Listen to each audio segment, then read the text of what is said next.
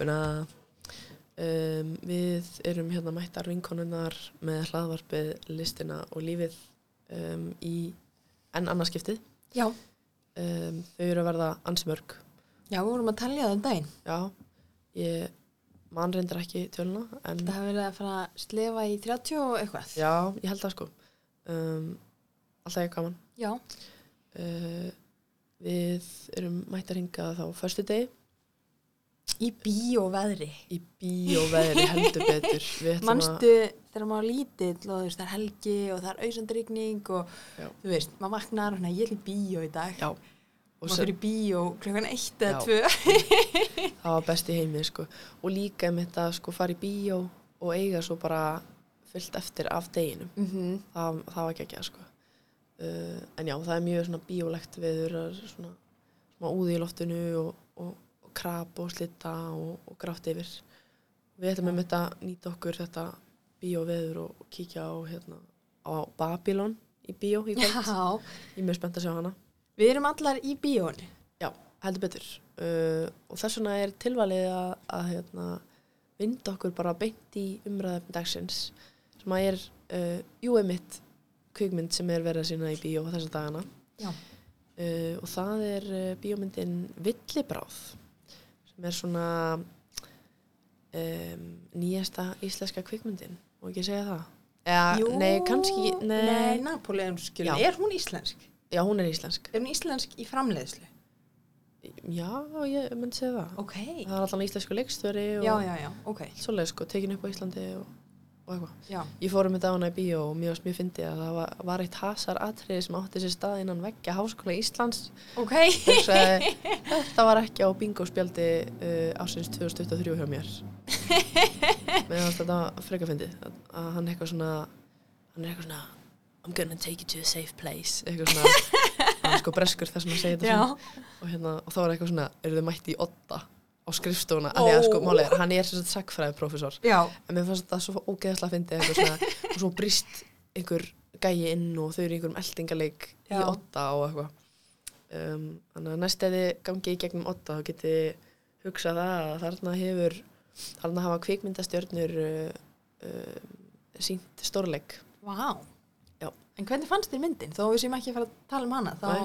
Er skilur. forvið, forvitin. sko, ég hef ekki lesið bókina uh, er, Ekki heldur. Nei, er um, ég, ég hef bara almennt ekkert lesið sérstaklega mikið eftir Arnald ég hef Mhm. lesið þrjár bækur eftir hann um, reyndar bara hrifin af þeim öllum en svona, ég er ekkert eitthvað æst að halda áfram að lesa fleiri en hérna og ég var eitthvað svona hikandi við að fara á þessa mynd í bíó Mm -hmm. var ekkert sérstaklega spennt fyrir henni og ég er svona þú veist, góðar, góðar hasarmyndir eru gó, góð afþreying. En ég er svona vissi ekki alveg hvort að ég ætla að eða þú veist, heilu kvöldi að fara í bíó á svoleiðis mynd Mhm. en svo hérna skelltu við fjölskyldan okkur bara svona óvænt. Og hérna hún var helviti skemmtileg. Ok. ég, sko, ég segi ekki, þú veist, ég meina að þetta er ekkit eitthvað hún er ekkit að fara að vinna neinn Óskarsvelun, þú veist. En hún er ótrúlega svona veist, þetta er svona vel gerð hasarmynd. Veist, mann er leiðist aldrei uh, það eru svona lovable characters þú veist, Ólafur Darri leikur ógisla fyndin karakter sem er samt ekkert eitthvað beint að reyna að vera ógisla fyndin Mm -hmm. mm, og þú veist, það er romans og það er hasar og það er þú veist, blóð og lík og e- einhverjar grafið og flugvél upp og þetta er svona Þetta er allir pakkin. já, mér, mér líður svolítið eins og þarna hafi svona einhver leiti verið broti blað í, í íslenskri kvikmyndasögu Ok. ég allan að minnist þess ekki að það hafi verið gerð svona mynd áður á Íslandi Nei. það hafa verið gerðar fullt af hasarmyndum en það er oftast bara eitthvað svona sömu leikararnir að leika sömu löggurnar að svíkja hver aðra Já. og svo er vondi kallinn Siggi Sigurjóns eða eitthvað þú veist, það er einhvern veginn formúlan en þarna var þetta svona veist, ég var alveg svolítið bara gafti smá sko, ég var alveg hissa á Já. bara svona já, ég veit ekki, feelingnum í henni Já. en um, í dag ætlum við að ræða villibráð Já. það var einmitt um, líka mynd sem ég var ekkit viss um ég myndi fara og sjá í bíó Nei, ekki heldur, ég var ekki að plana það. Nei. Uh, og það var líka einhverju leita því að ég var búin að koma einhverjum fordómum fyrir í hausnum á þér. Já, þú bara eitthvað, já, þú bara eitthvað, eftir herma einhverju franskri mynd, þannig að ég fór inn í mig bara núl væntingar, já, sem var bara ógeðslega gaman, af því að þetta kom rosalega ánægilega og óvart. Já, og ég skemmti mér mjög vel. Um, já, ég mitt sagði þetta ég var bara æ, hvað er ekki hægt að gera? Er ekkert nýtt undir sjólinni skilju um, og hérna, og var bara eitthvað svona fannst þetta svo mikið eitthvað svona þetta er svo mikið búið til til þess að lokka eitthvað svona fullari fólk í bíó og svo bara eitthvað er allir búin að gleyma sér mynd bara strax skilju um, og, en svo eitthvað svona fóru fóldra mínir á hana og svo fór ég að eitthvað svona pæla meir í henni og sá að þú veist eitthvað svona Tyrfingur Tyrfingsson hefði gert handritið og eitthvað og þá svona var ég aðeins spenntari mm fyrir henni um, en ákveða að viðra ekki spenningin við þig. Heldur bara svona ég, mér fannst að það væri kannski bara fínt ef að við værum að fara svolítið svona ólík, ólíkum stað í hausnum inn í þessa mynd sko. Það er svo fyndið samt að því ég var lengur búin að gleyma því að það varst þú sem saðir mér þetta. Já, við föttum ekki fyrir bara held ég ef við komum út úr bíónu. Já, veist, ég var eitthvað að segja þetta þegar við gengum út og þú veist bara, já, það var ég sem sagði þetta. Já, einmitt. Um, það er sem þið þannig. Um, en já, þetta er eins og við höfum, vorum að segja að þetta er, sko, málið er, nú er ég ekki búin að kynna mér þetta nákvæmlega og ég held að það væri erfitt að, að finna, sko, hvort koma undan hænan eða ekki, -hmm. en samt örgulega ekki. Uh, ég er ekki viss, sem sagt, um, hvaða mynd kemur fyrst. Þessi mynd hefur verið endurgerð á, þú veist, í bara öllum löndum sem þeir getið dottið í hug næstu því. Sko, Um, fyrst þú ert byrjað að tala um þetta, Já. þá líður mér eins og við þurfum að uh, svala forvitni Já. þeirra sem ekki vita. já, einmitt, þeirra sem hafa ekki aðgang að internetinu, þá þurfum við að, hérna, Já, akkurat, sko. að nýta, nýta okkur, um, aðstöðu okkur að hafa aðgang að internetinu.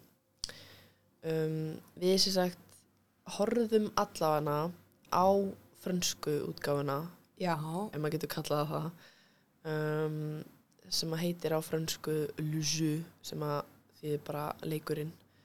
Um, og, og heitir sem sagt enska enska heitið á fransku myndinni er Nothing to Hide eða ekkert að Já. fjalla.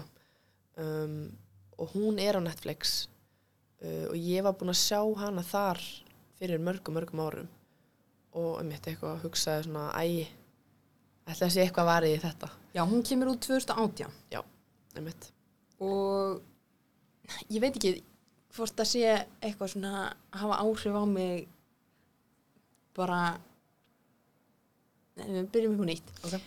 mér fannst svo mynd, ég byrjaði að horfa á hana og ég fæ sömu tilfinningu þegar ég horfi á plakatið eða þú veist hérna, Já. myndina sem er framan á Já. Að það er eitthvað svo döflegt yfir þessu. Þú veist, litirnir þeir eru svo dempaðir einhvern veginn og já, þú veist og meðan ég upplifi íslensku myndina sem mjög svona væbrant ríkir litir já, og svona lifandi. Já, en veistu hvað ég held að það sé? Hvað? um, mér líður þess að franskar kvikmyndir eru almennt bara svolítið döl og, og, og það er eins og það sé svona einlega smá viljandi Er það? ég, mér líður þess að sé smá eitthvað svona ó það, það er allt svo hræðilegt og við erum bara hér eitthvað svona veist það er eitthvað svona eimt yfir öllu fyrst mér í franskum kvikmynd Ok, ok. og ég er ekkert að veist, ætla- ég var vissulega að alhæfa en ég ætla kannski ekki alveg að fara að alhæfa um allar kvikmyndir en svona, En þú veist, sérðu þetta? Já. Þetta er bara ekkert spennandi. Nei, ég held nefnilega að þetta sé bara eitthvað stílísering og þú veist, ég minna, ef þú hugsaður um myndina þá er þetta svona, þú veist, eins og ég var að hugsa sko, fötin sem við vorum klætt í Mhm. gáðu ekkert í skinum hver, hvers konar manneskjur þau væru. Á meðan að í íslensku þá eru þau, það er mjög afgerandi svona, að ok, Já. svona típa. Mhm.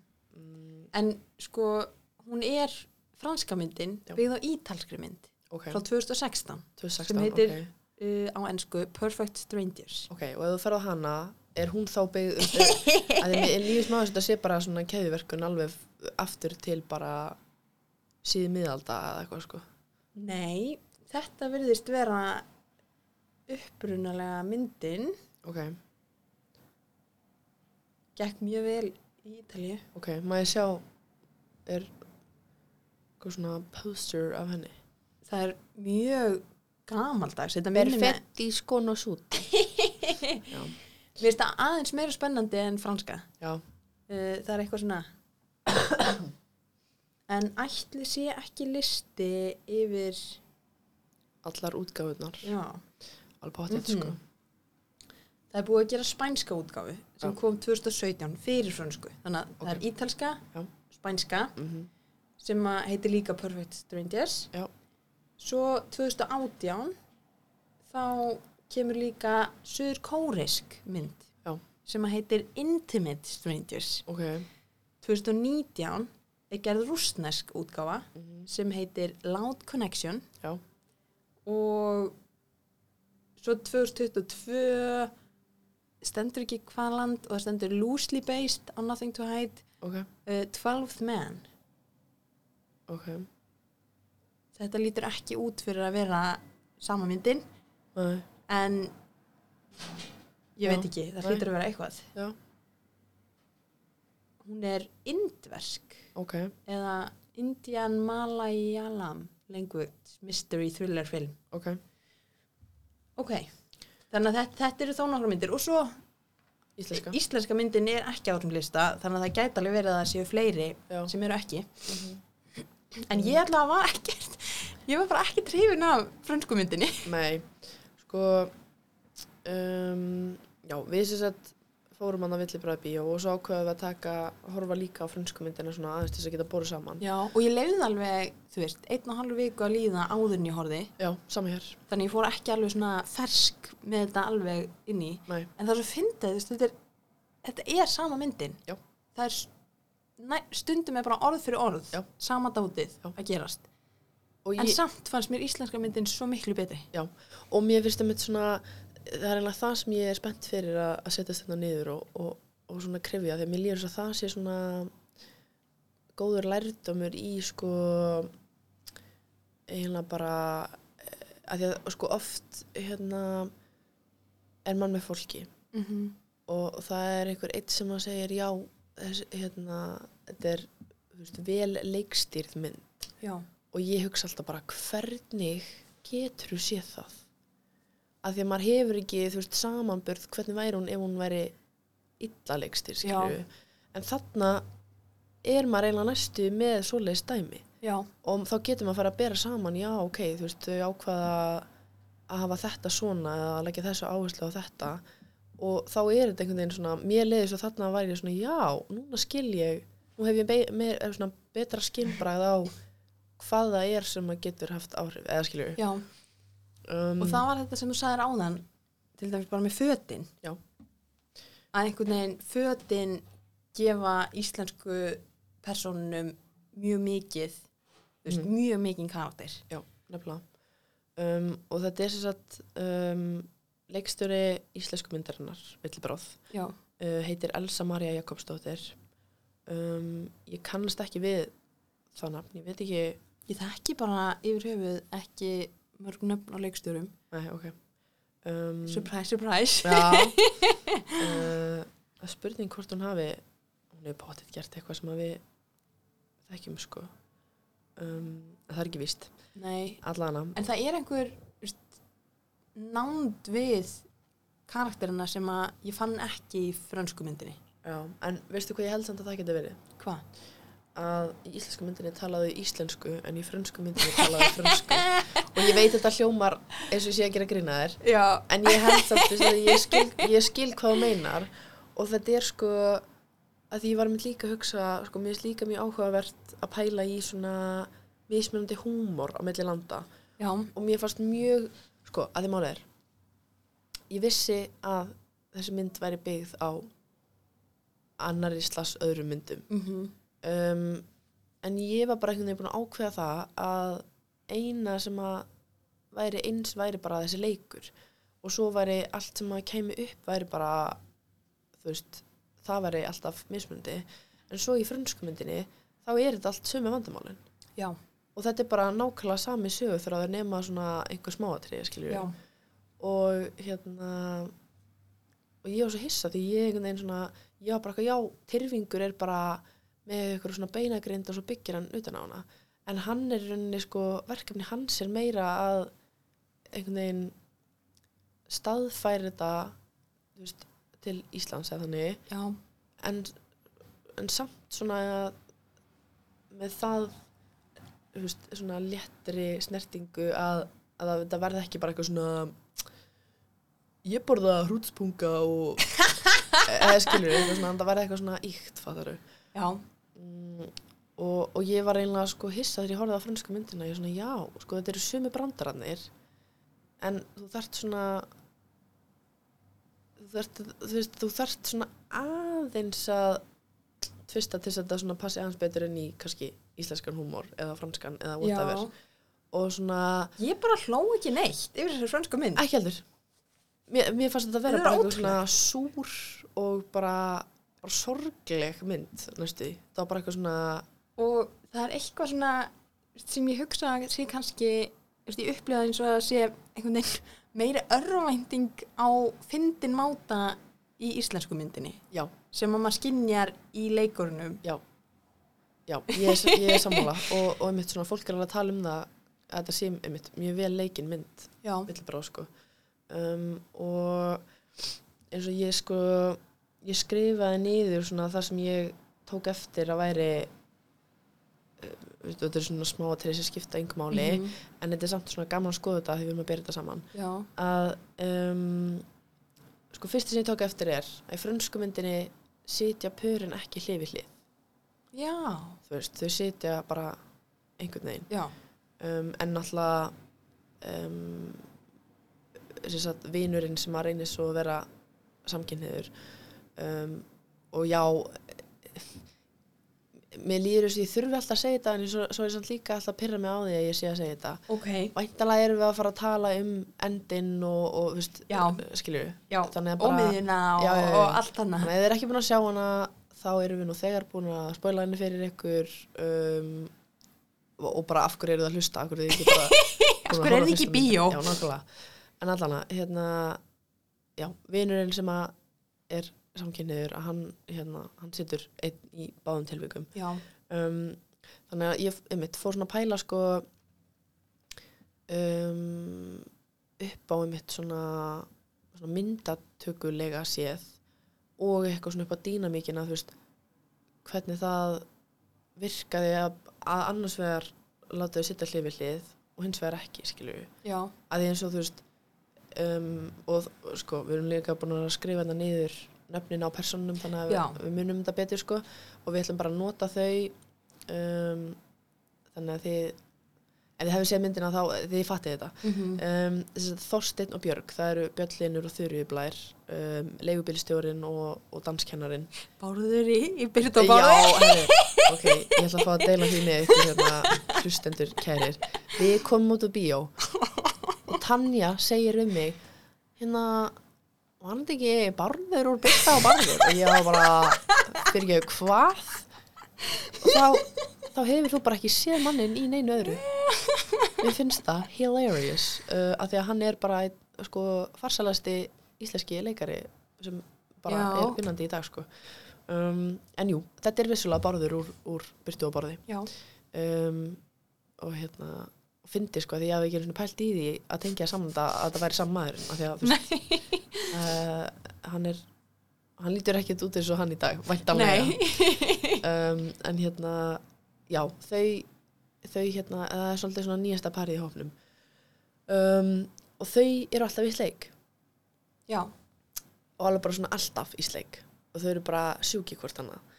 Um, og það var svo miklu auðveldara að hafa það svona gegnum gangandi og, og svo sko þegar ég mitt fór að mynda spenna á milli þeirra mhm, að þá er mitt svona kannski dróða hans úr því. Já, en þú veist að því að sko í frönsku myndinni þá þurftu alltaf að standa upp ef þau ætlaði að kissast skilju þannig að það var aðeins meira þú veist svona þú þurfti, þú veist, það þurfti að gefa því miklu meira sko, pláss og taka tíma af öðrum fyrir Já. það, þú veist. En í villibráð þá eru þau veist, stundum er einhver annar að tala og þá eru þau bara að kissast í Mhm. bakgrunnin, skilju akkurat. Þú veist, þannig að það er alveg held ég bara frekar góð ákvörðin að hafa þau hlið við hlið, skilju Mhm. og þá líka einhvern veginn svona verður þetta meira svona einhver, veist, verður að einhverjum svona einingum fyrir manni, og svona, einanglar þennan sem hann kemur einn. Já, ég ætla að segja það. Alveg frekar. Já, þetta er svona skerpur á því að hann einhvern veginn stendur að svona svolítið Mér er samt alveg áhugavert með hann að mér finnst hann vera miklu sterkari karakter í íslensku myndinni heldur en frönsku. Stu það? Já. Já, sko, ok Tölum aðeins, tölum aðeins um það Eins og til dæmis bara þessi brandari eða þú veist, ó, ef ég segi ykkur ekki að fyndi sem ég lendi í um daginn sem hann segir í frönsku myndinni Já. og allir eru bara eitthvað, er ekki lægi með þig. Já, Hann, hann segir ekki trúleðis, er það? nei, það er bara ekki og Nei. ég var myndið að reyna að rifja upp sko, hvort það hefur verið og það er mitt svona það, einhvern veginn það, það var svo mér leiði svo að sá sem skrifaði það inn í hans personu Mm -hmm. upplifið það eins og það væri eitthvað svona mjög lýsandi fyrir hann en það var samt meira eitthvað svona ha, hvað segir þetta um hann Og mér fannst, ég upplýði hann sem svona svolítið, miklu meira utangarðs félagslega, í frönsku. Já, já, ég, svona eins og hann passaði ekki alveg inn í hópin veist, hann er er einn í íslensku myndinni líka Já. en mér líður ekki eins og þetta sé svona ó, ég á að vorkennunum já, og það er bara máli sko. ég var ég, mikið búin að vera að pæla í þessu og fínt að við tökum tökum hérna þetta fyrir. Að sko um mitt um, í frönsku myndinni að þá, sko, ok, nei, byrjum á íslensku. Mm -hmm. sko, það sem að mun óneitana, óneitanlega alltaf hafa áhrif á íslenska áhorfundur á íslensku myndum er það að bara eitthvað svona já Gísli Ödd Garðarsson er eiginmaður nínudagar skilju. Sko, og þú veist og Hilmir Snær er vinur þeirra og veist, veist hvað ég minna þannig að svona en ég ætla að segja móti samt að því að ég bý undir steini Já. að ég vissi það ekki ok um, þannig að það er engin áhrif á. Já, já, ok. Ég nefnilega, mér fannst það hafa áhrif á þú veist, að ég var alltaf bara eitthvað svona upplifið hann aldrei eins mikið utangars að því að þú veist að ég veit ekki, að því að þau eru vinuhópur í alvörun eitthvað, eða skilju um, en náttúrulega ekkert eitthvað í sama mæli og í myndinni Mhm. en allana um, og svo líka þetta sko að hann er svona hann er svipaður í útliti og um, eins og þú veist Hilmisnær og Bjöllinur þeir eru allir svona frekar hávaksnir Mhm. dökkarðir, Já, svipað byggðir einhvern veginn, en í frönsku myndinni þá er hann svona þá stendur hann svolítið út úr einhvern veginn svona útlýðslega, hann hann er læri, hann er með minna hár og Já. svona, hann er, verður að einhverju svona stereotypin næstu því. Mér finnst eiginlega sko Þorsteinn, eða Björnlinur vera, þú veist mesti lúðin innan gæsalappa já, í íslenska hófnum já, þú veist, hann er hann er allt önnur típa Já. heldur en í frönsku myndinni já, nefnilega. Um, og, og þegar ég segi mest í lúðin þá meinaði ekki, þú veist á slæman hátt en hann er greinilega öðruvísi típa heldur en playerinn sem að er Já. Í frönsku myndinni Já, ég, ég skil hvað minnar. Maður er svona, maður pyrrar sig mest á honum. Já. Um, og, og einmitt sko, einmitt í f- frönsku myndinni, að þá einmitt svona, sko bæði það að þau séu öll bara í einhverjum vennilegum fötum. Mhm. Það er eins og það hafi sér allt tekið úr sama fattaskamnum. Já. um, og að, að pörin sitja ekki hlið við hlið þá renna þau svo mikið öll bara saman í eitt. Mhm. og líka því að þú veist þau eru þú veist, þau eru öll dökkarð. Og þau eru, veist, þau eru öll bara svo sjúklega frönsk, fattar þau Já, ég skil alveg komin já, og þannig að það er svona stundum var maður smá bara eitthvað svona hvernig á ég að hvernig á maður að vera sama um einhverja á þessum persónum? Að þú veist, þetta, að ég veit ekki, þetta er bara Já. eitthvað fólk skilju já, en í íslensku myndinni þá er svo miklu meira að vera svona aðeins að reyna að greina þau í sundur Já. einmitt með svona einhverjum töktum í þeim og hvernig þau eru klætt og, og svo eins og sko um, ef við tölum líka um hérna hana Hildi sem að An- Anita Briem leikur Já. sem að er hún á að vera svona áhrifavaldur mm, bæði náttúrulega passar þetta betur inn í að, veist, árið 2023 um, og svona Íslands samfélag, veist, mm Mhm. maður, maður þekki típuna skilju, en svo líka þú veist, eins og í frönsku myndinni þá er hún bara einhver svona, ég veit ekki veit ekki hvað hún maður gerir. Hún er, þú veist, með hvernig hún klætt þá myndi maður gera ráð fyrir að hún væri í svona freka fítni vinnu skilju, já, en þú veist maður veit samt ekkert hvað hún gerir. Nei, maður veit ekkert hver hún er. Akkurat. Eina sem maður veit er að hún þólar ekki tengdamæmi sína og hún á í erfileikum í hjónabandinu sínu um, þannig að ég fílaði mjög mikið þetta sko svona, einmitt, þú veist, áhrifavaldurinn og leikarin, þú veist, eitthvað Já. svona og þú veist, einmitt, þetta er svona mar, veist, þessi pör eru allstaðar í íslensku samfélagi. Mhm. og einmitt, það er það er örugglega ekkert allt fullkomið á baku tjöldin, skilju um, og þetta er svona veist, ég held að það sé líka alltaf mjög svona áhugaverðar personur svona sem að það er einhvern veginn allt bara molna í kringum þær um, þannig að ég já, þetta er svona það er miklu auðveldar að lifa sig inn í og halda með og hata eða líka illa við personar í íslensku myndinni. Já, um, þannig að ég, ég held að það sé svona grunnurinn í þessu sem þú ert að tala um með litina. Já. Þetta er svona, það er bara eitthvað döft yfir já, það er engin það er engin einhver svona filter sem að blandar öllum litunum saman. Þú veist, eins og fransku myndinni um, en hérna já, þau eru sem sagt komin enna saman, og náttúrulega þið vitið þetta en þau eru enna komin saman í matabóð þau eru að spila þennan leik að hérna, það er allt á, á útopnunni já, um, svona símalega séð. Uh, og ég fór mikið að hugsa sko líka með þetta aspekt að þetta sem sé að sko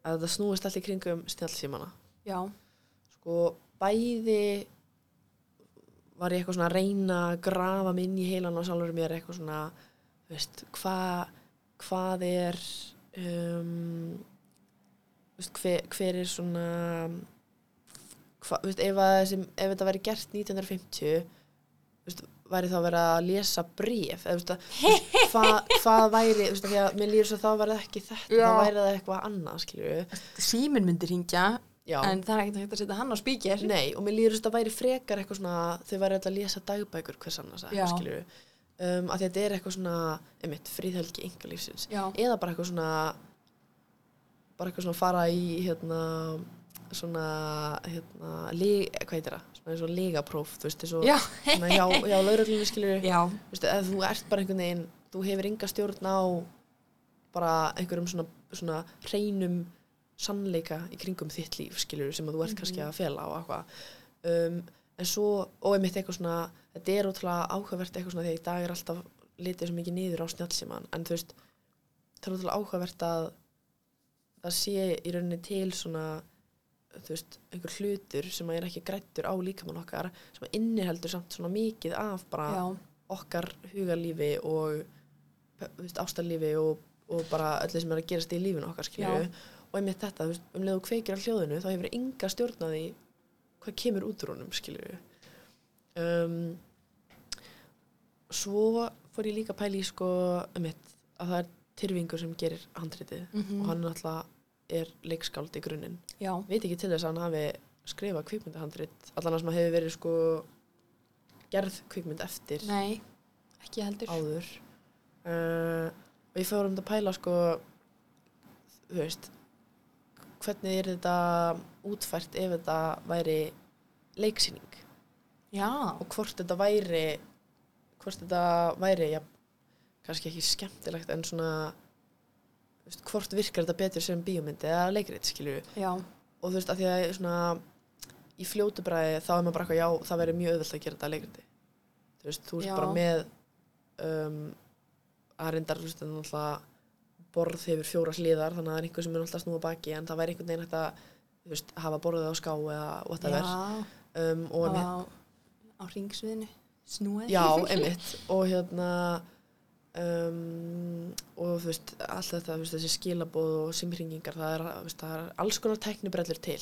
Já, en ég held samt að sko og mér fannst það eiginlega sko næstu virka betur í frönsku myndinni. Já, ekki margt sem virkaði betur þar en mér finnst að hafi virkað betur þetta með að eldúsið þú veist þegar þú þegar þau stóðin í eldúsi þá horfðu þau sko beint inn í stofuna þú veist hvað ég meina? Að því að í, í íslensku myndinni að þá var eldúsklukkin bara út á pall. Var sásantalinn stofi. ég var svona sá henni í stofu en það var ekki eins svona þú veist, þetta var svona augljóslega einhver að gæjast. Þetta var svona, þetta var aðeins of svona við erum að reyna að komast framhjá einhverju æ, veistu hvað ég veist- Nei, ég ég er ekki alveg að, Nei, að ok, tengja við þetta. ok, sem sagt í frönsku myndinni að þá um, til dæmis stendur hérna um, svo sem að er áhrifaveldurinn í íslensku myndinni en við Já. veitum ekki hvað, gerir í frönsku myndinni. Já, hún stendur og í beina línu við hana er maðurinn hennar. Ok, Skilurðu? þannig að hún þarf ekki aktíft að kíkja á hann já, heldur sér hún hann þegar hún lítur upp skilju, þannig að hún er að vaska upp já, og þetta er svona þú veist, hann er alltaf að það. Já, þannig að hún er að, veist, hún er að horfa eða, hún, það er það að hún er ekki að horfa heldur að sjá. Þannig að veist, hún, hún sér hann inn í borstofu við borðið Já. að tala við hinn, skilju ok, og mér líður svo að þetta sé svona mér líður svo að við virka betur sko, þetta var svona meira svona organíst, skilju upp á hvað? upp á það að við erum að upplifa veist, hvernig hún upplifir hann skilju það er miklu er bara ekki að tengja þetta. ok, allavega. Ég, ég, þú veist að það sem ég er að meina líka þú veist, bæði þetta virkaði betur í frönsku myndli- myndinni heldur en íslensku og líka það að miklu erfið er að gera þetta í leikhúsi heldur en í bíómynd. Skilju um, en kannski meikir þetta enga sens. Ég allan að þetta var eitthvað sem að já, ég bara, gerist í hlustum á mér ég pældi ekkert í þessu nema það að mér fannst íslenska eldhúsið og mér fannst bara íslenska húsið flottara líka. mm, já, en, bara, en búin en ég var ekki búin að pæla í staðsetningunni og þegar þú segir þetta þá finnst mér, ég upplifi ekki að það skipti mig máli en svo gæti ég, ef ég myndi að horfa á þetta aftur kannski upplifa það já, að því þú ert búin að segja það. þetta er basically þú veist eldúsið og, og, og borðið eru eru hliði hliðin að gæslappa þú veist, í frönsku myndinni og svo er Mm. þarna svalirna svona eiginlega næstu á milli. Uh, en í íslensku myndinni þá er húsið meira svona eins og ell. Já, þannig að þú veist, það er eldúsið, svo ertu í stofunni og svo er eldúsið nei, hérna borstofan mm í þú veist, skálinu við eldúsið en veist, það skiptir yngur máli þetta er bara eitthvað svona stundum er ég að pæla einhver svona og eins og í bókmyndafræðinu voru kennandi stundum bara eitthvað ok, cool, skiptir yngur máli eitthvað svona um, þannig að já en ég gæti vel trúa því að villi bara að vera sett upp á, á leikúsfjallir þjóðarinnar sko, einn daginn það er svona eitt sem ég fílaði svo mikið í myndinni sem væri mjög erfitt að gera á sviði. Ok. E eitt af því sem ég svona, var mjög sátt með alveg tók eftir, það var þegar það var verið að klippa út á hvað er að gerast út í heiminum. Já, það já. er bara einhverju krakkar í körfubólta eða að leggja eða einhver að fara út með ruslið Já. og það var alltaf sama tónlistin undir já, og ok. það var eitthvað við það sem að mér fannst svona mér fannst það alveg gefa myndinni mikið Já. einhvern veginn að stíga út úr þessu þessum þrýsti pottið þarna og svona já ok það er allt bara venjulegt hérna fyrir utan Einmitt. Já, og, og það er mitt líka það sem ég um, hérna, hvað ég segja svona, einmitt, fílaði líka mjög mikið og hugsaði mitt sko að það væri líka um, auðvitað er þetta, þú veist ég gert oft í bíómyndum en mér fannst þetta að vera svolítið svona leikhúslegt einmitt þessi hljóð sem komið inn á milli. Já, og þetta er svona einmitt Já. þú veist, þegar maður fyrir leikhús og þá svona um, sumar eða sum leikrit, sko ég fór einu svona á um, leikrit sem ég er ekki sens að ég muni hvað heitir en þá er mitt leik hérna, Hilmar Guðjón sem leikur hérna, Leif, leikaran í, í þessari mynd um, leik hann í því og það fjallaði sko um par sem að fer út í frumskóg þess að hitta pappa hennar. Ah, þetta er frekar nýtt eða ekki, Jú, það var bara Já. fyrir, þú veist, tveimur, þreimur árum eða eitthvað. Um, að hitta pappa hennar sem að er búin að búa þar í eitthvað langan tíma. Mm og það er mitt svona á milli atriða að þá er mitt svona um, urðu ljósin svona aðeins dimmari eða mjú, mjúkar einhvern veginn. Og þá komið mitt svona frumskóa hljóð mm, inn á ok, milli og já. þá var þetta svolítið svona já þú veist svona, ok ég var búin að gleyma að við værum hérna en það er gott að fá svona, já, um, og mér fannst þetta mitt svona að þetta var líka bæði einhvern veginn svona að segja manni man, man, maðurinn er svo mikið villidýr Mhm. að svona erum við við hvort annað skilju en svo líka eitthvað svona maðurinn er það komið það langt frá náttúrunni að þetta er í alvörinu það sem við erum að eða tímanum okkar í skilju, mér fannst þetta svona bæði kaltæðið en samt líka eitthvað smá svona sorglegt, eða skilju já, um, og einmitt sko mér finnst líka svo fyndi hérna, þetta aspekt með að hana, Rúnar eða Hilmisnær að hann geti ekki eldað fyrir sitt litla líf.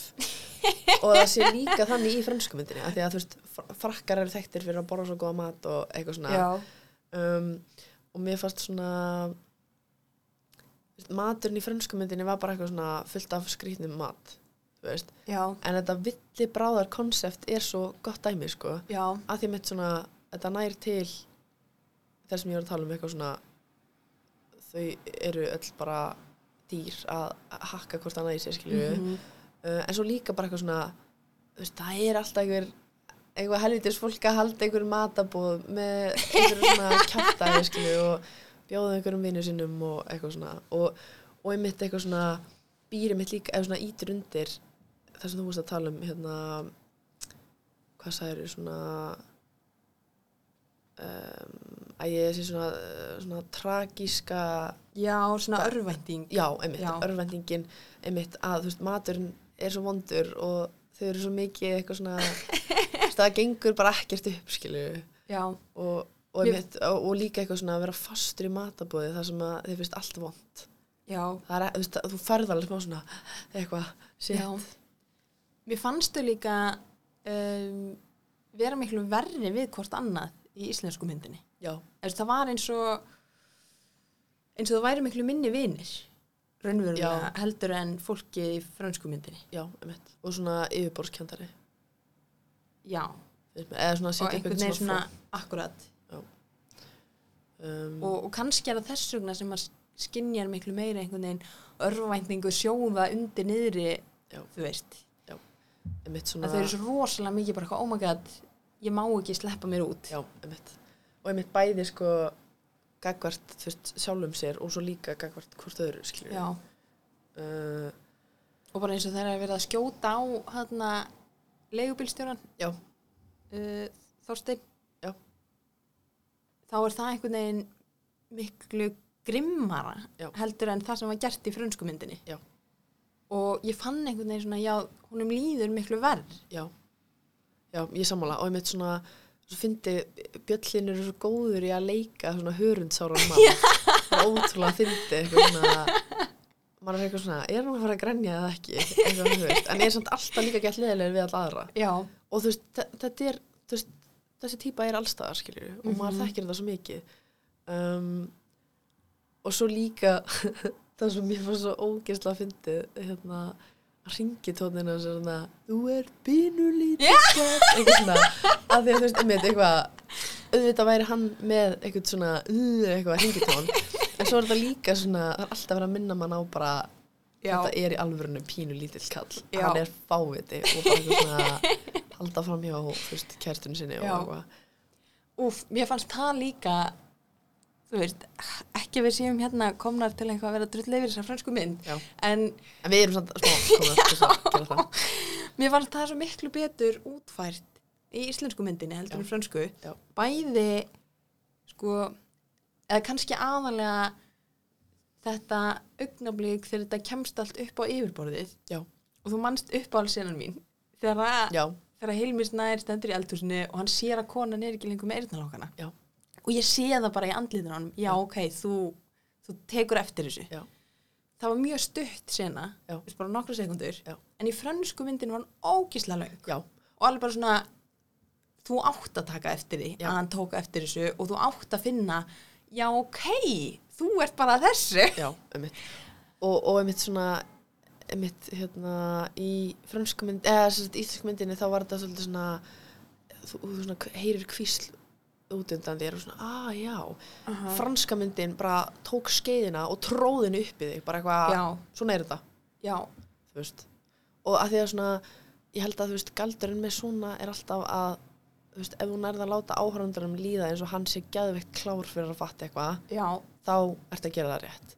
Ekki þannig að maður er bara svona vá, hver sem er myndi fatta þetta akkurat að því að sko ég, eins og ég sagði við eftir myndina ég tók ekki eftir þessu mómenti nei, ég veit ekki hvað sko ég veit ekki hvað gekk að mér þarna þegar maður horfa á þessu mynd allt í kringum eyrnalokkana fór bara bara flög yfir hausnum er það? Þetta er hann sko líka annað sem hann gerir í íslensku myndinni Já. og ekki frönsku að þegar Þorsteinn kemur Mhm. þá svona, þetta er svona danglar á Já. ný, já, einmitt og ég, þú veist, að því ég nefnilega það pyrraði mig svo, að því ég var bara eitthvað come on, þú veist.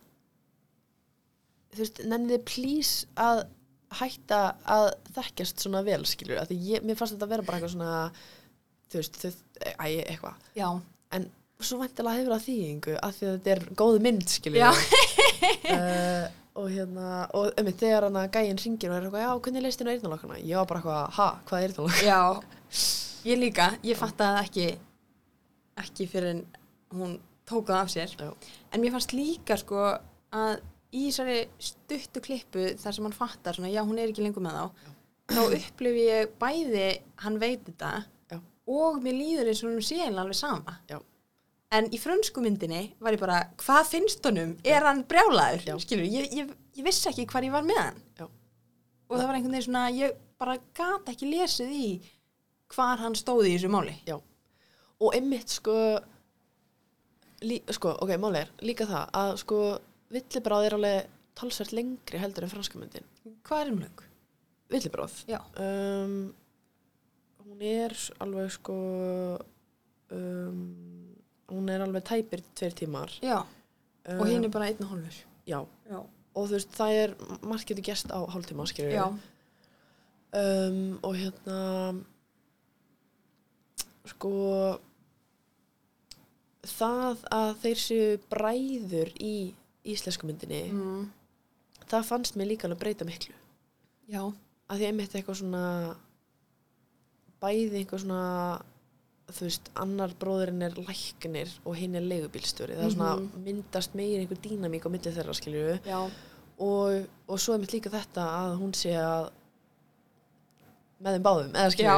Og að hann eitthvað svona að húnum sé sama og þá er maður eitthvað svona ha, byrju, akkur er þeir sama? Og svo náttúrulega kemur það í ljós í lókina hann er bara að gera allt annað skilju um, og hérna Ég er samt ekkert alveg viss sko þú veist, hvað hafi verið í gangi? já, sko þú veist, ég, að því að þetta rým, þú veist, var svona endurspeglun á þegar hann ringir í síman skiluru, þarna já, hjá, hjá og Þorstein er eitthvað að grínast. Mér Já. líður eins og að svona búið til karakter sem svona, já, ok hann fílar að fokka í fólki já, þannig að ég er ekkit alveg búin að ákveða hvort Mm. hann var að fokkast í þeim Já. eða ekki já, að ég meira svo hendur hann símanum í raunið Já. þannig að þeir muni aldrei vita já og mér fannst, ok, kom líka að því sko, að í báðu myndum eru einhvers konar um, hérna svona náttúruleg fyrirbreyði sem eru svona grunnstefið í sko frásagnarammanum einhvern veginn Mhm. og sko í frönsku myndinni fannst mér bara ógísla leim Vá, hvað er sammála? já bara eitthvað who cares Já, um, þú veist þá var þess að tunglmyrkvi já um, og hann var náttúrulega til staðar svona í gegnum alla myndina Já. sem tunglmyrkvið, þú veist, það var ekkit eitthvað sem kom á óvart. Nei, einmitt. Og hérna, nema náttúrulega í lókin. En hérna, og einmitt sko eitthvað svona, mér fannst þess að það væri eitthvað svona, þú veist, þegar sí, þau leggja símana á, á ring, mo- svona mottuna, eitthvað sem það var, hérna diskamottuna í miðunni, að þá var það eitthvað svona, þetta er eins og tunglið. Að því það er tunglmyrkvi og ég bara, ok, en þú veist, ertu í sjöndabæk, skilju. Um, og svo einmitt, þú veist, já, ok, tölum um endin á eftir, þess að mismyndi enda, sko. Ok. En allana, um, þannig að það er tunglmyrkvinn þarna og mér fannst það bara eitthvað svona þú veist það er flott svona myndrænt en það hefur svo litla einhverja svona dýpri merkingu skilju, en í íslensku myndinni sko, fyrst þegar það var hann eitthvað já, eitthvað, að byrja að gjósa um, þá var ég bara svona ég, ég, ég fá ekki vissi það ég vissi bara að því þegar gaus á sínum tíma hugsaði ég þetta verið notað sem eitthvað svona það er spenna, spenna í loftinu og svo brist allt upp á yfirborðið. Já. ég vissi að mér er þið notað einhver tíman í, þú veist, einhverju svona. Mm en mér fannst það samt fullkomið Já, einmitt fyrir þessa mynd. Af því að, einmitt, þetta er svo ég meina, það, þú veist þú þarft ekki að vera með háskóla gráð til þess að skilja þessa myndlíkingu, þú veist, þetta er bara það er spenna og, og svo gís skilju um, og hérna, og mér fannst líka með þetta að hann hendi símanum úti að það, þetta er svo tákgrænt að því að þú veist, lindamálin gjósa öllu upp á yfirborðið þú veist, Já. og svo er eina leyndamálið sem að þú veist, kom aldrei í ljós að það hverfur aftur ón í hraunið og það kemur ekkert aftur upp fyrir en bara kannski gís næst eða eitthvað eða hverfur eilífi, skilju Mhm. þannig að þetta er svona já, og þetta er svona, að ég veit ekki þetta er svona náttúru aspekt var mjög töff Já. En mér fannst sko akkurat með hennan tunglmyrkva, veist, myndin byrjar á að það er, það er fréttir í gangi Mhm. og það er verið að tala um hennan tala um hennan tunglmyrkva og svona eitthvað ó, það gerist margt þegar það er tunglmyrkvi og eitthvað og mér finnst, ok, tunglmyrkvi er alveg, þú veist, cool Já. en hann er ekki svona cool Nei. hann er ekki nógu cool til að vera kjarnin í mynd, já, þú veist já, hann, hann er bara svolítið svona daufur við hliðina eldgósi, sko. Já, nefnilega. Og ég held að þetta sé sko um, smá lýsandi við mitt eitthvað svona í Fraklandi er engin svona náttúru fyrirbreiði, sem er að fara að vera bara eitthvað wow, skilju Já. þannig að þetta er að næsta sem kemst í. Uh, og hérna og ég mitt, þetta er rúglega einhver svona gumul þjóðsaga að eitthvað svona að, hvað er það sem gerist ymmit þegar þú veist, það er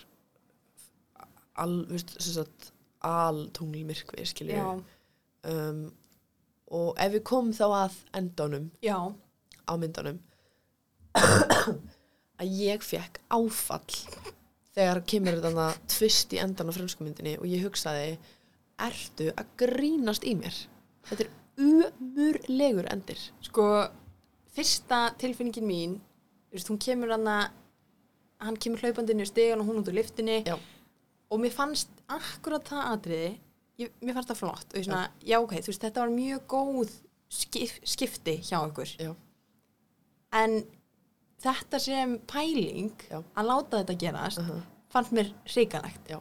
og ég var mjög ósátt Já, og ég mitt sko ef ég var að skoða að ég skoða alltaf inn á letterboxd hvað fólk er að segja já, og það er bara, eina sem fólk segir er bara þetta er bara versti endir á bíómynd. Vist, ég er svo frústreraður frústreraður að ég, þetta er svo mikið Hávær hana. kopp átt eitthvað bara eh, ég, ég veit ekki hvernig ég að láta enda bara segjum þetta hafi verið draumur. Já, ángríns og, og ég mitt eitthvað svona myndin endar eins og hún byrjaði.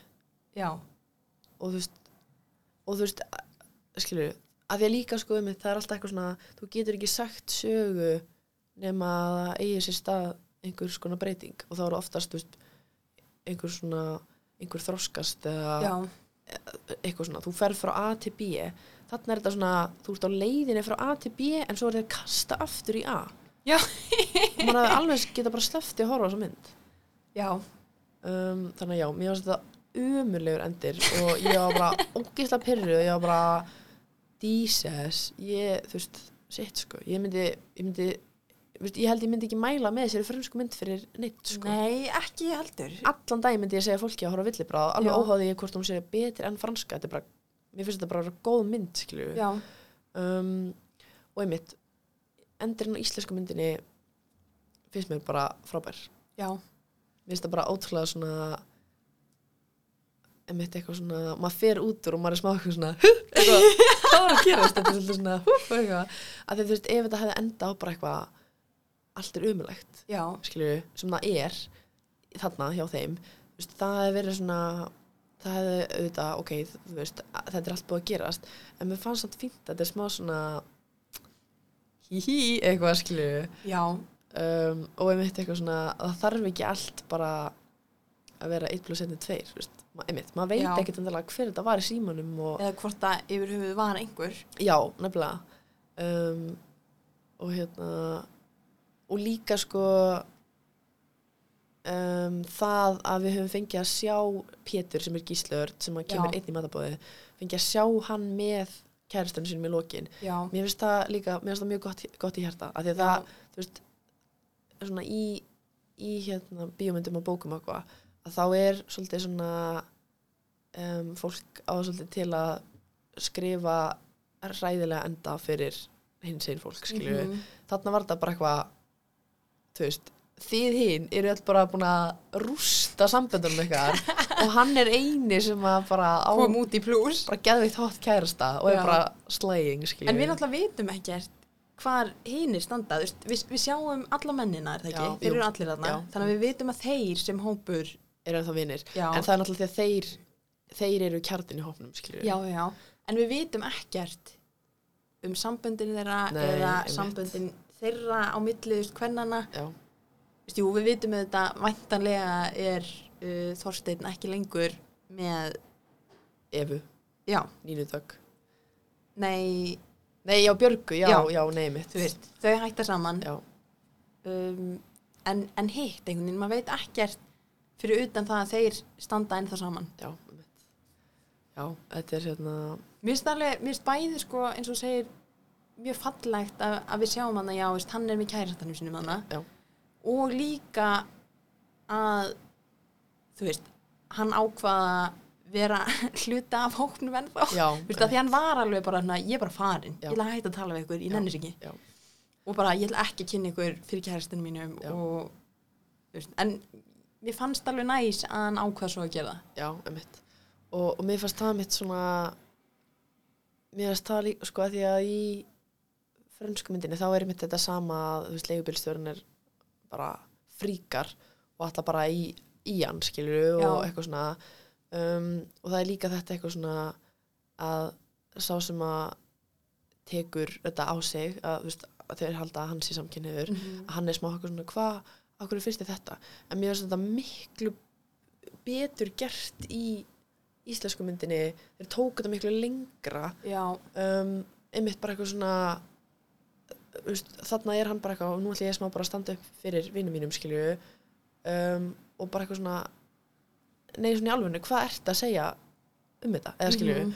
og hérna og, og einmitt þetta moment þegar hann er bara bara shit, þið getið verið svo umurlega leðileg Mhm. og bara, ég trú ekki að þið séu svona og mér langar ekkert að kynna kærasta minn fyrir einhver skilju og það er svo mikið mitt líka bara eitthvað svona þú veist, því þau eru það þau eru Já. umurleg og þú veist, ef að það hef enginn sagt það þá er mitt væri þetta líka svona ætti maður smá erfitt með að fara út á bíóna því þá væri maður bara eitthvað, "Ah, fuck. Allar enginn að segja neitt, skilju Mhm. þarna var hann bara að segja það sem allir voru að hugsa bara, shit, hvað það fólk bara á bátt, eða skilju um, og hérna já, og bara eitthvað svona það var miklu meira svona full circle einhvern veginn svona, svona þú veist, þessu, þú veist, kvöldinu lauk Já, og meðan í frönsku myndinni breytist þetta í bara eitthvað sci-fi dæmi, skilju það var bara Já. eitthvað svona tunglmyrkvi og, og það gerðist ekki alvörinni, þú veist já um, og einhvern veginn bara allir fara þú veist, það fara ekki allir ósáttir út af því að sumir eru sáttir Mhm. en, en það endar á parinu sem að er að halda matarbóðið, er það ekki? uh, jú, Og maður skinnjar svona á milli þeirra, þú veist, þið vitið að það er ekki í lægi Já. hjá ykkur Einmitt. á meðan veist, staðurinn sem það endar hjá í íslensku myndinni, eða staðurinn sem það endar á hjá hjónunum sem er að halda matabóðið, ég er miklu meira svona, þú veist, við erum búin að gera sétt, en við ætlum bara að velja okkur.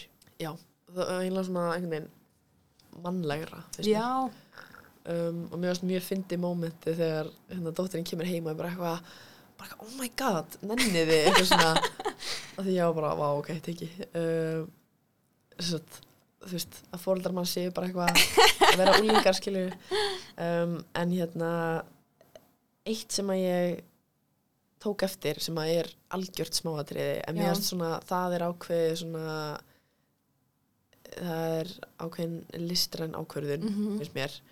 Um, að hérna það er, er tvö atvik þar sem að í frönsku myndinni e, sem sagt, í rauninni kissist fólkið ekki en í íslensku myndinni kissast þau.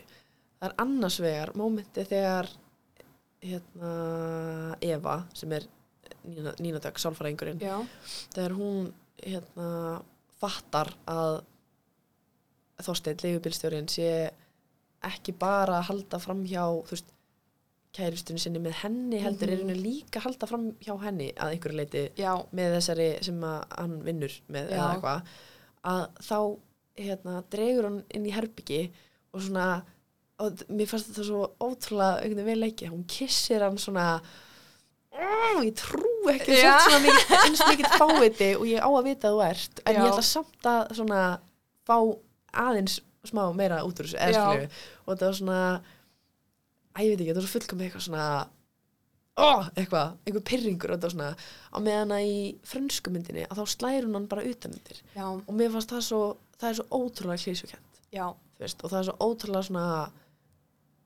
hér eru við tveir leikarar og þú ert búin að særa mig þannig ég ætla að eitthvað svona, mér fannst það ekki mér fannst hitt miklu svona það miklu fleiri lög. Já, maður finnur miklu sterkar fyrir þá þessum tilfinningum sem eru til starf því að væntanlega veit hún að hún er ekki að gera rétta hlutin já, en hún bara einhvern veginn næri ekki að halda aftur af sér já, veist, hún hefur ekki stjórn á tilfinningum sínum Já. þó að hún sé í fyrsta lagi vita að þetta sé rámt Já. og í öðru lagi þó að hann sé algjör skítæll Já. og hafi sært hana þannig að mér er svona lítið smáatriði en skiptir alveg máli mm -hmm.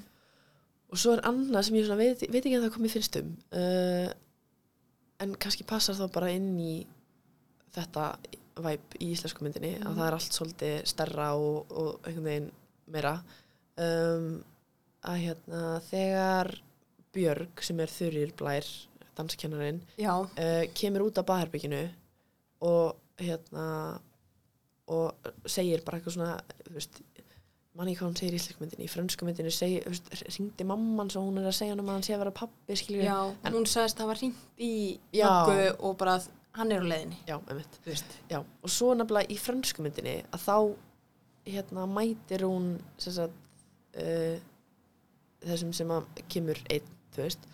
Um, mætir honum að leiðinu út og væntalega upplifir hann sem bara einu manneskina með viti mm í þessu húsi og kissir hann að kinnina þegar hann er að fara. En í íslensku myndin þá kissir hann á munnin og ég hugsaði smá svona af hverju gerðu þau það? Eða, veist, af hverju myndi hún gera það? mér finnst það alveg svona að passa við hvernig persón hún er. Já, og og að því að við vitum og allir núna í matabóðinu vita að hann er samkynneður þá einhvern veginn missir það merkinguna sem að maður leggur vanalega í það. Já, og mér finnst það ve- vera miklu meira svona þú veist akkurat það sem þú segir við erum í lagi. Já, einmitt.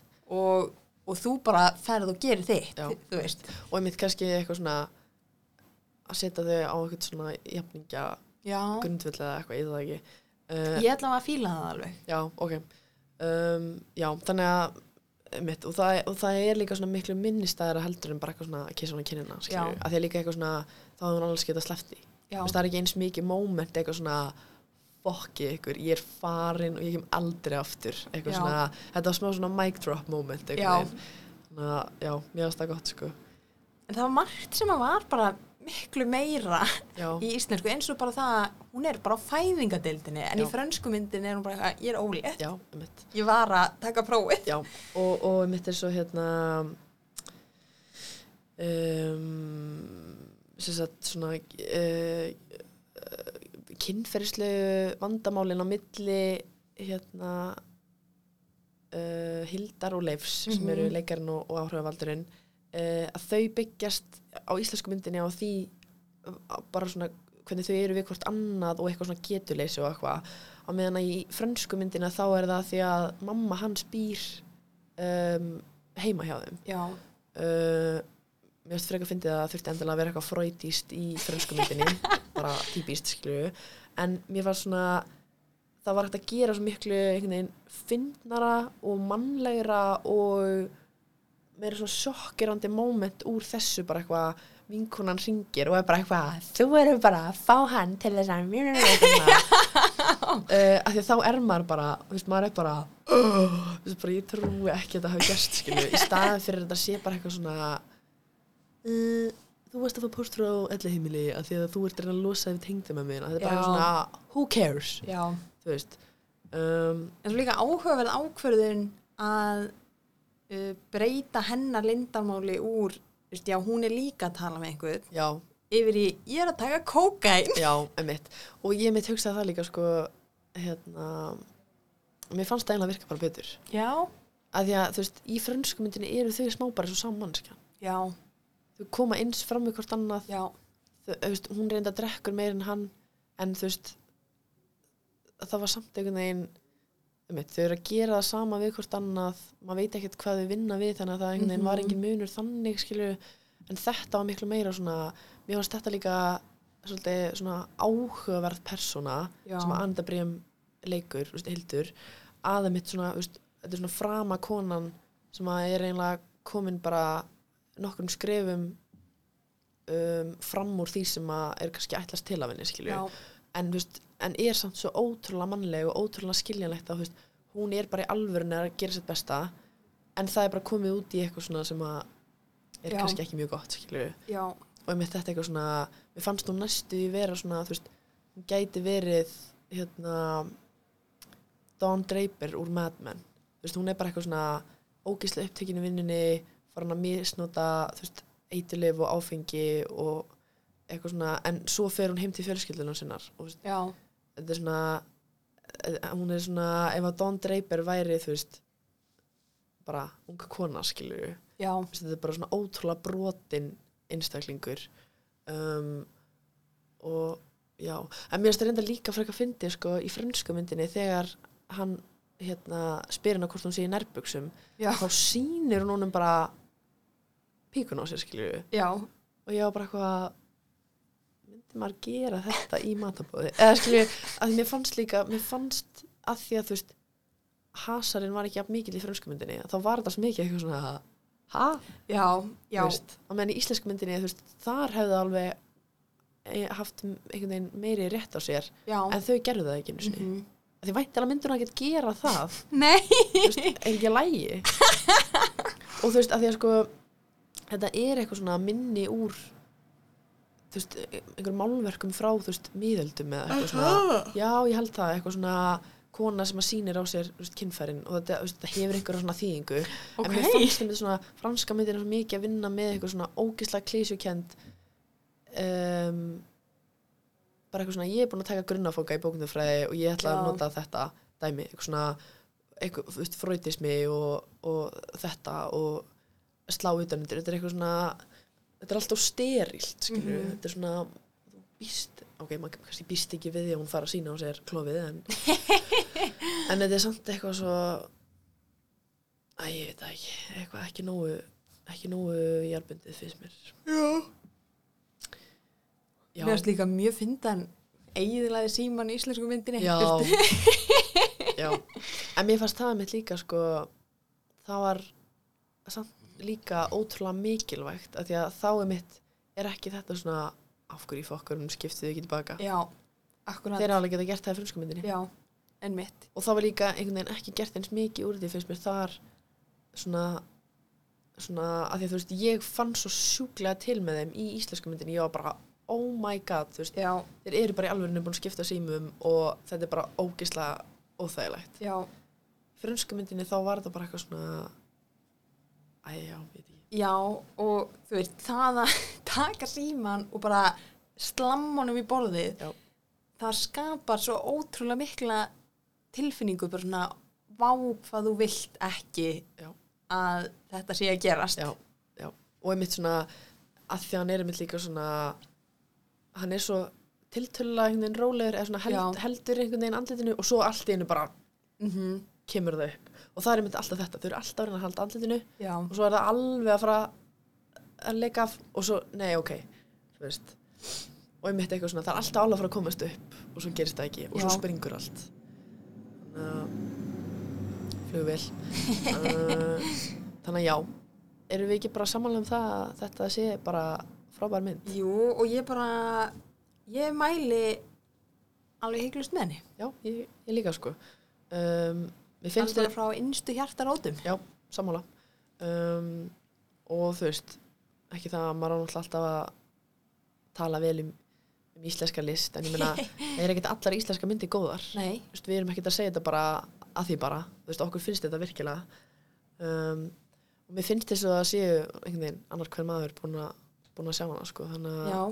En þeir sem eru ennþá hikandi eins og ég var í byrjun mm að bara endilega og það er útrúlega gaman að fara á hana sko í bíó. Um, og ég mitt upplifa svona galsan sem að kemst í mann þegar maður horfir á hana Já. með öðrum.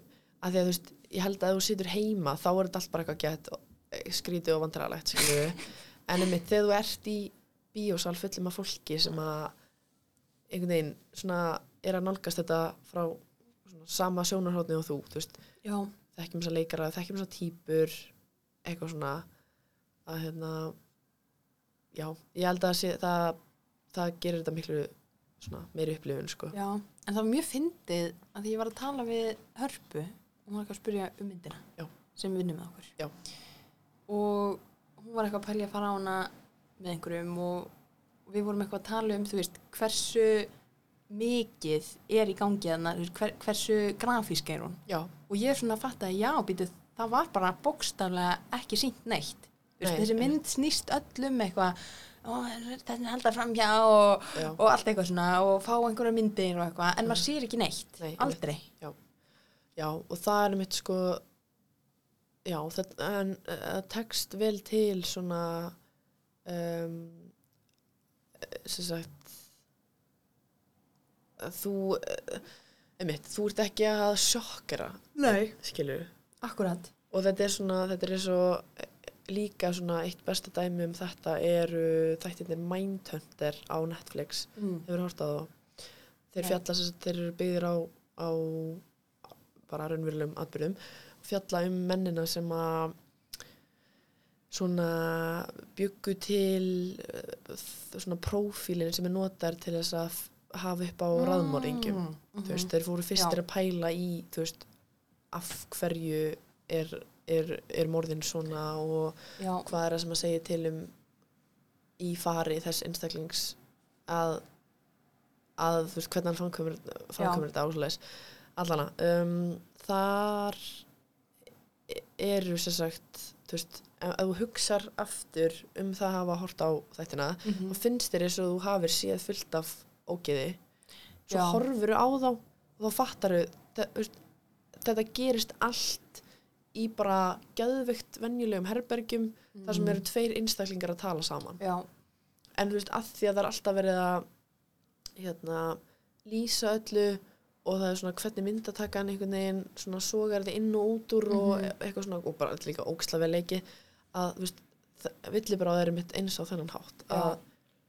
þú þarft ekkert að og eins og sko í frönsku myndinni þannig í byrjunina já þá er hann einmitt eitthvað að skoða hérna, brjóst og rassa já, sem, að kemur svo í ljósa er að því að hann er lítalæknir já, einmitt. Uh, en þú veist, það var ekki í íslensku þannig veist, hann var lítalæknir en hann, nei, Nei, veist, að við- hann var ekki að skoða neitt, Nei. allavega ekki sem að við sáum. Nei, einmitt, og þú veist, áhorundin sér það ekki, skilur nei, nei, þannig að já, ég er sammálaðir með það sko. En svo sem ég veist, ég held samt að þetta er beint mynd fyrir þú veist tíu ára krakka skilju Nei, nei, nei, en, en þetta er heldur ekkert sem að ef þú ert tefra, Já. sem er bara í góðu lagi, Já. þá getur hann að horta á hana. já, um um, já, ég sammála uh, sko ég held að eina fólki sem að myndi líða verra heldur en öðrum að fara á hana er fólk sem að finnur fyrir svona svona second hand embarrassment Já, uh, af því að þetta er það er rosalega erfitt að vera þannig að ætla að horfa á þessu mynd af því að þetta er Mhm. bara, þetta, er- þetta er óþægileg mynd skilju, en, en ég ég elska svoleiðis í bíómynd, ekki alvörni en í bíómynd Úf, ég er að missa viti yfir þessum heyrnatólum. já, Mér er svo illt í eyrunum. já, ég bara Ef einhver sem vinnur á borgarbókasöfnu er að lusta á þetta, þá legg ég fram ósk um að það verði skipt út þessum heyrnatólum.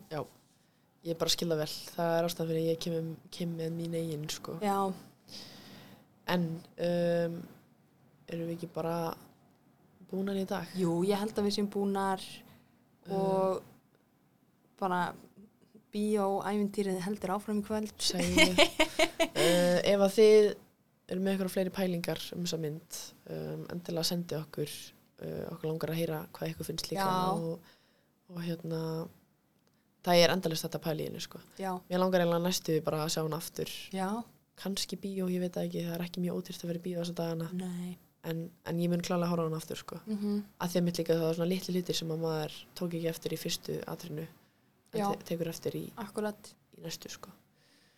um, Já, skellið ykkur í þriðdagsbíó eða eitthvað næst. Já, endilega og, og hérna pælið að síði hvort þið ætlaði að búa í vesturbænum þegar þið